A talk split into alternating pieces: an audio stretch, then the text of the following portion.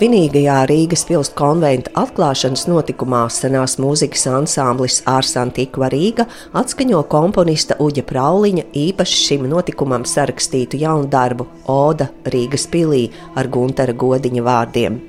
Rīgas pilsētas kasteles daļas rekonstrukcija un restaurācija īstenota pēc arhitektūras biroja Marka arhitekti un sudraba arhitektūra redzējuma un kā svinīgajā notikumā uzsvēra arhitekts Rēnis Liepiņš, tā būs gaišā pilsēta ar koka grīdām. Pēc svinīgajām uzrunām, dāvanu pasniegšanas, pārbūves un restaurācijas darbos iesaistītajiem sekoja ekskursija pa atjaunotajām Rīgas pilsētas kasteles telpām ka 2020. gada ziemā man bija iespēja ielūkoties pilsētas atjaunošanas sākuma procesā, pa telpām vadīja un ieceras atklāja arhitekts Rēnis Liepiņš.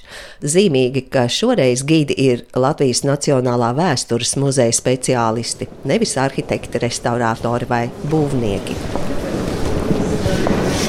Rīgas pilsētas konventa ēkas kapelas un remtera telpas atjaunotas sākotnējā viduslaiku veidolā. Muzeja direktora vietniece krājuma darbā Anita Mēnārta iepazīstina ar atklājumiem kapelā, kas kalpojas par pilsētas baznīcu. Sienas gleznojumi bijuši vairāki, viena gleznojuma fragments atsekts, taču tā sižets nav saskatāms. Tas vēl gaida savus pētniekus. Ir hipotēze, ka pat cik šī zeme, ko iekaroja ordeņbrāļi, tika veltīti Jaunavai Marijai.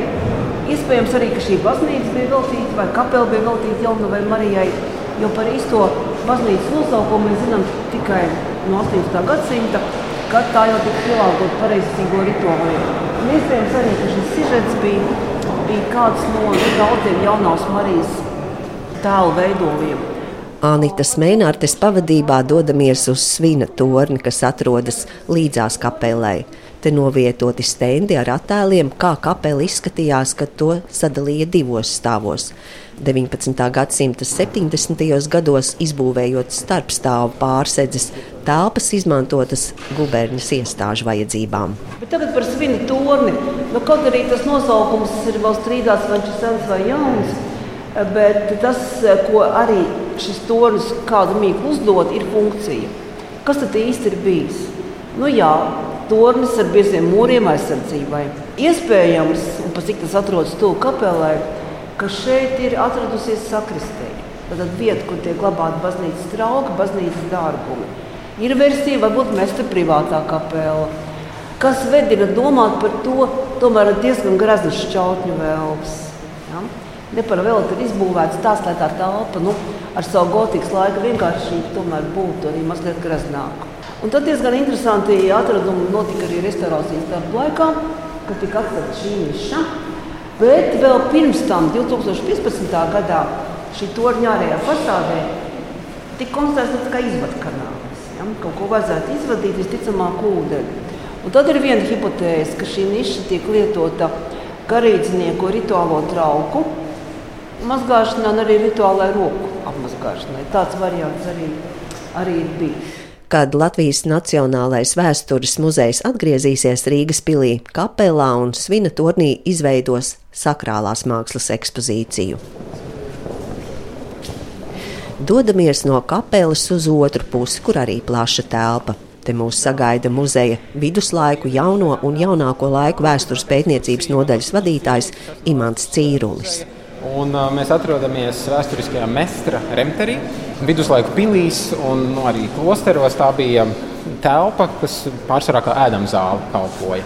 Vienlaikus arī reprezentatīva telpa, kur mestrs vai pilsētas komturs, kas ir nu, pilsētas pārvaldnieks, lielā mērā varēja nu, izrādīt savu godību un greznību, un tā tas notika arī vēlākos gadsimtos. Par šīs telpas pirmajiem pastāvēšanas eh, desmitgadēm mums ļoti daudz ziņu nav. Pēc uzcelšanas 1515. gadā mēs zinām, ka Livonijas mestrs Walters un Pletenbergs savu galveno sēdekli bija jau pārcēlis uz Cēzu pili.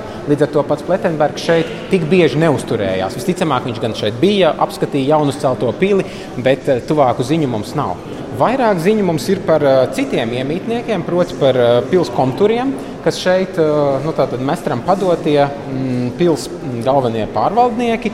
Tie 16. gadsimta pirmajā pusē pilnīgi noteikti šo, šīs telpas arī izmantoja. Imants Cīrulis telpas izmantošanu atklāja ar kādu košu ilustrāciju. Tāda karaliska epizode no 1500. 82. gada, kad Polijas-Lietuvas karalis Stefans Batorijs šeit gandrīz divus mēnešus uzturoties Rīgā, jo gal galā bija jānokārto pēdējā Rīgas eh, padošanās Polijas karalim, bija jāpieņem rīdzinieku uzticības zvērests, un karalis mitinājās šeit, varētu teikt, ap stūri tur un, un tajās telpās pa labi. Un ir saglabājies apraksts, kā Stefans Batorijs šeit ietur karalisku maltīti. Viņš viens pats ir sēdējis pie gara galda, uz kura ir servēti daudzi labi ēdieni. Viņš pagaršojas pa gabaliņam, un, ja garšojas, tad viņam ir atnesta tā pilna porcija. Viņš ir iztukšojis vairākus kausus vai vairākus labus dzērienus no kristāla glāzēm. Pēc šīs maltītes divu liela auguma vīru pavadībā ir bijis spiests viņu aiz, palīdzēja viņam tikt uz, eh, uz, uz karaliskajiem vai bijušiem mestra apartamentiem tepat uh, netālu. Nu, tas varbūt ir tāds amizants epizodes, bet tās rāda, kāda funkcionalitāte piemīt šīm telpām. Tā nebija tā visreprezentatīvākā un visgreznākā telpa pilī, bet tik un tā tā bija tāda nu, nedaudz, nedaudz tāda privāta vai, varētu teikt, pietuvināta tai, tai, tam, tam valdniekam vai vietvaldim, kas šeit dzīvoja. Latvijas Nacionālā vēstures muzeja direktora vietnieks zinātniskajā darbā Toms Čikuts interesantus sagaida muzeja vestibilā un uzsver, ka šī ir tikai viena daļa no pilsētas kasteles, kam jānonāk muzeja rīcībā. Šobrīd vēl nerestaurēti kasteles ziemeļu, rietumu un austrumu korpusi. Nākamajā projekta kārtā garderobis atradīsies ērtākās telpās, arī suvenīru veikals būs citur. Bet kas šajās telpās bijis senāk, kāda vēsturiskā funkcija un lietojums?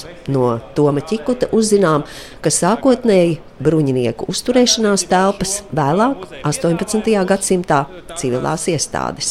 Šī telpa konkrēti bija sadalīta mazākā, nu, teiks, mazākās daļās ar starpsienām, un te atradās, varētu teikt, Tā laika valsts ieņēmuma dienas ir guberņas rentēja, nodokļu maksājumus pieņēma un tā tālāk ar tam līdzīgām lietām nodarbojās.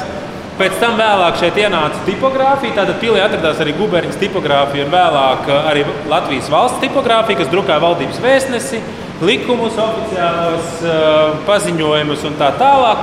Un tipogrāfija pilsētas otrajā stāvā, gan šeit, gan pirmajā stāvā pret pilsētas laukumu, atradās līdz 39. gadam. Un šajās telpās ienāca muzeja pirmo reizi tikai 1939. gadā. Un vispirms šīs telpas saņēma valsts vēsturiskais muzejs, tātad mūsu priekštecis, un pēc tam 50. gadu sākumā telpas pārņēma ārzemju mākslas muzejs. Un no tā varbūt šai telpai arī pielipusi ir tas apzīmējums, no kura mēs ļoti gribam tikt vaļā. Es jums pēdējo reizi pateikšu, bet jūs tālāk nesakat Mozus zāle, jo stūrī tātad sēdēja Mozus skulptūra, ģipšu nolējamo tātad šī kopija ar zibeņiem.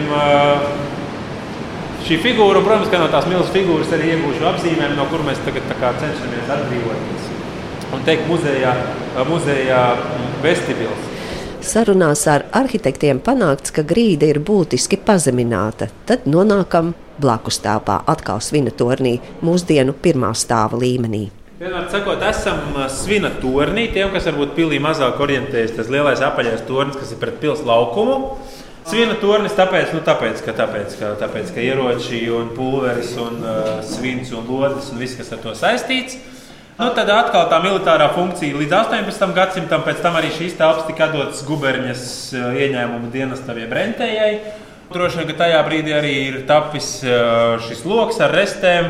Patiesībā šī telpa iemieso kaut kur arī ļoti daudz. Es nezinu, bijāt pagrabā, vēl nebijāt pie Jāņa. Cik viņš viņš izstāstīs par katru akmeni, kas no kura perioda nāk. Bet šeit mazliet arī var just to, ka pirmkārt to, ka tā, tā piespiedu būvniecība, nu, mēs redzam, ka tie nabaga grīznieki varbūt ne visai visās vietās vienādi centušies. Un, uh, nu, tā tad ir Livārijas ordenis piespieda rīznieks uzcelt viņiem atpakaļ to, ko viņi paši bija nu, iz, izdemolējuši 15. gadsimta beigās.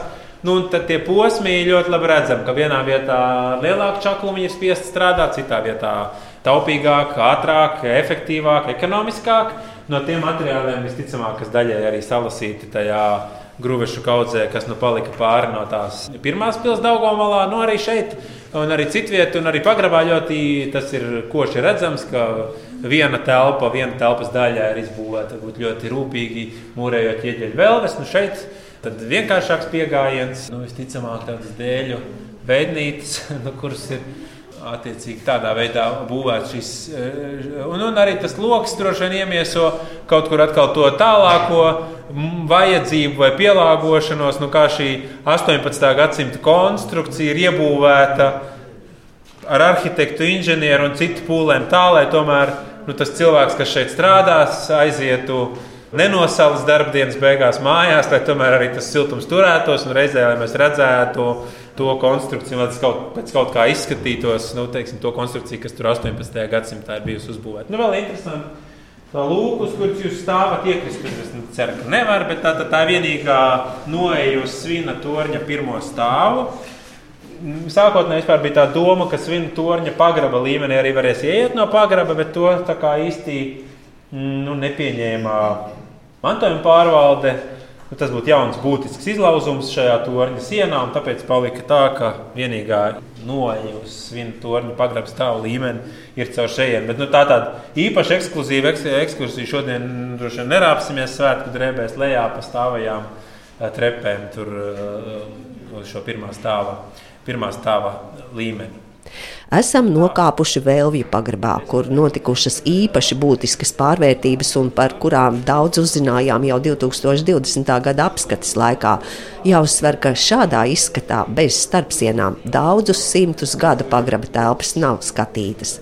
Arheoloģijas departamenta vadītājs Jānis Ciglis atklāja, kādas ekspozīcijas muzejs plāno izvietot plašajā pagrabā. Mūsu muzejā glabājas ļoti izcila Livonijas eh, izrakumos iegūto Livonijas piļu arheoloģisko izrakumu kolekcija. Eh, protams, pilnībā izpētītās pirmās Livonijas pilis, kā Ikšķile, Mārtiņsavā, Vedsdole, lielākā daļa no Cēzu pilsētas, eh, Alūksne, Koknese, Selpils, Vēzekne un tā tālāk. Un, uh, mēs uh, domājam, ka nav nekas labāks kā šo uh, Livonijas ekspozīciju rādīt autentiskās telpās, Livonijas pilī, kas ir oriģināli nu, šī gan 14. gan 16. gadsimta celtne. Un otrs, mēs arī mums ir šīs ekspozīcijas mērķis atbildēt uz jautājumu, jo Rīga bija Livonijas ordeņa pils, kas ir Livonijas pils un kā tā eksistēja. Un viss sākās ar ikšķili, šeit būs mūsu lielas ikšķiles makets, un pretim ogailās eh, būs divi eh, kungi, Livonijas ordeņa mestrs un Rīgas arhibīskaps, eh, kuriem pateicoties nu, šīs vispār Livonijas pilis bija. Pretim liela karte ar interaktīvu ekrānu, kur varēs jebkurai Latvijas, Igaunijas pilī pieskarties, un tad varēs paskatīties kādus 10, 15 attēlus, sākot ar 17. gadsimtu, beidzot ar nu, šo 19. gadsimta beigām vai pat 40. gadiem. Lai būtu priekšstats kaut vai pāris attēlos, bet par jebkuru no Latvijas, Igaunijas teritorijā esošo Livonijas pili. Atcaucot atmiņā iepriekšējo Rīgas pilsētas apskati pirms trim gadiem, toreiz pilsētas konventa atjaunošanas un restaurācijas darbiem sākoties, Tagad kopā ar Latvijas Nacionālā vēstures muzeja direktoru Ārni Radiņu pārunājam paveikto.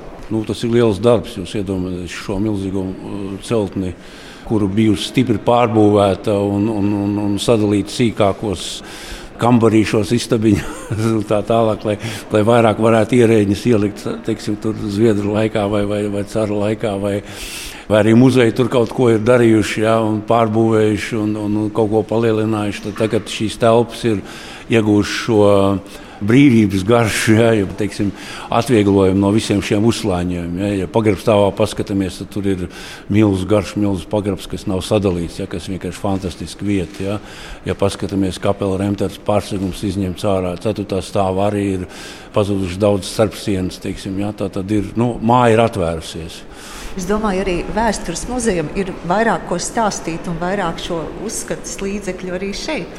Uh, jā, protams, ēka ir tā, ir tā ir laime un arī izaicinājums, ja, kā šo ēku, kas ir Latvijas vēstures sastāvdaļa, iekļaut šajā ekspozīcijā. Ja, un, teiksim, un kā arī izstāstīt šo Rīgas pilsētu vēsturi. Ja, jo, kā sakombinēt, pati pilsēta ir šeit, teiksim, ja, tad, tad šeit būs kombinācijas starp, starp šiem faktiem. Un, uh, tāda koncentrēta vieta, kas ir Rīgas pilsētas ekspozīcija. Arī šīs ekskursijas ejot pa šo māju, kad teiksim, šeit ir šī vieta, šeit ir šī vieta, šeit ir šī vieta, kas šeit bija un kas šeit atradās. Tas viss ir, viss ir ieplānots un tas būs diezgan, es domāju, nu, varētu būt iespaidīgs rezultāts. Es dzirdēju, ka būs arī iespēja apskatīt ēku pirms šeit tiks radīta jā, rādīta jā, ekspozīcija. Jā, jā, būs. Jā. Jā, mēs katrā ziņā mēs, mēs ienākam nākošā gada maijā. Mēs domājam, gada beigās mēs būsim jau kaut cik apguvuši šeit un uh, padomājuši, kā mēs varam te izstāstīt, kas te būs un kāda būs situācija. Tad mēs atvēsīsim vaļā. Tas, es domāju, tas būs nākošais gada rudens pēdējais ceturksnis, ja tā varētu teikt. Un vēl mēs ceram, ja viss būs veiksmīgi, tad uz to brīdi bērniņos ir paredzēta bērnu zona, ka tā varētu būt jau arī gatava, lai mēs varētu arī uzņemt jau kaut kādus apmeklētājus arī ar kaut kādām programmām, jo mājai jāsāk dzīvot. Šeit viss ir, teiksim, ir, ir, nu, ir tehnisks varbūt, problēmas, kur vēl pieņemšanas kaut kādi grēciņi vai grēki, vai kaut kas nestrādās vai strādās. Teiksim, ja, bet, bet faktiski mēs ienāksim nākošā gada maijā šeit, teiksim, šajā atjaunotajā daļā. Tad mums būs jau nomas līgums, un mēs jau būsim nu, saimnieki par šo daļu. Teiksim. Un vēl viena tāda tehniska lieta ir, ka ir vēl paredzēts nākošā gada nu, vasaras sezonā zinām darbu arī Daugaus gātas ielā. Ja, tur ir lietas, notiek ūdeņa problēma. Un, Es ceru, ka iela tiks pārveidota un būs glītāka. Arī šobrīd teiksim, pamatus, bet kas agrāk bija šīs pilsētas, kas bija pirms šīs pilsētas, tajā vietā, teiksim, pirmo stāvu varēs redzēt atsekt. Jāpaturprātā, ka pilsētas vēsture ir sena, telpu pārbūves un uzslāņojumi ienesuši būtiskas pārmaiņas dažādos laikos, tāpēc redzēt tās sākotnējā izskatā ir īpaši. Svinīgajā pilsētas konventa atklāšanā izskanēja vēlējums, lai ēka atvērta priekš mums visiem.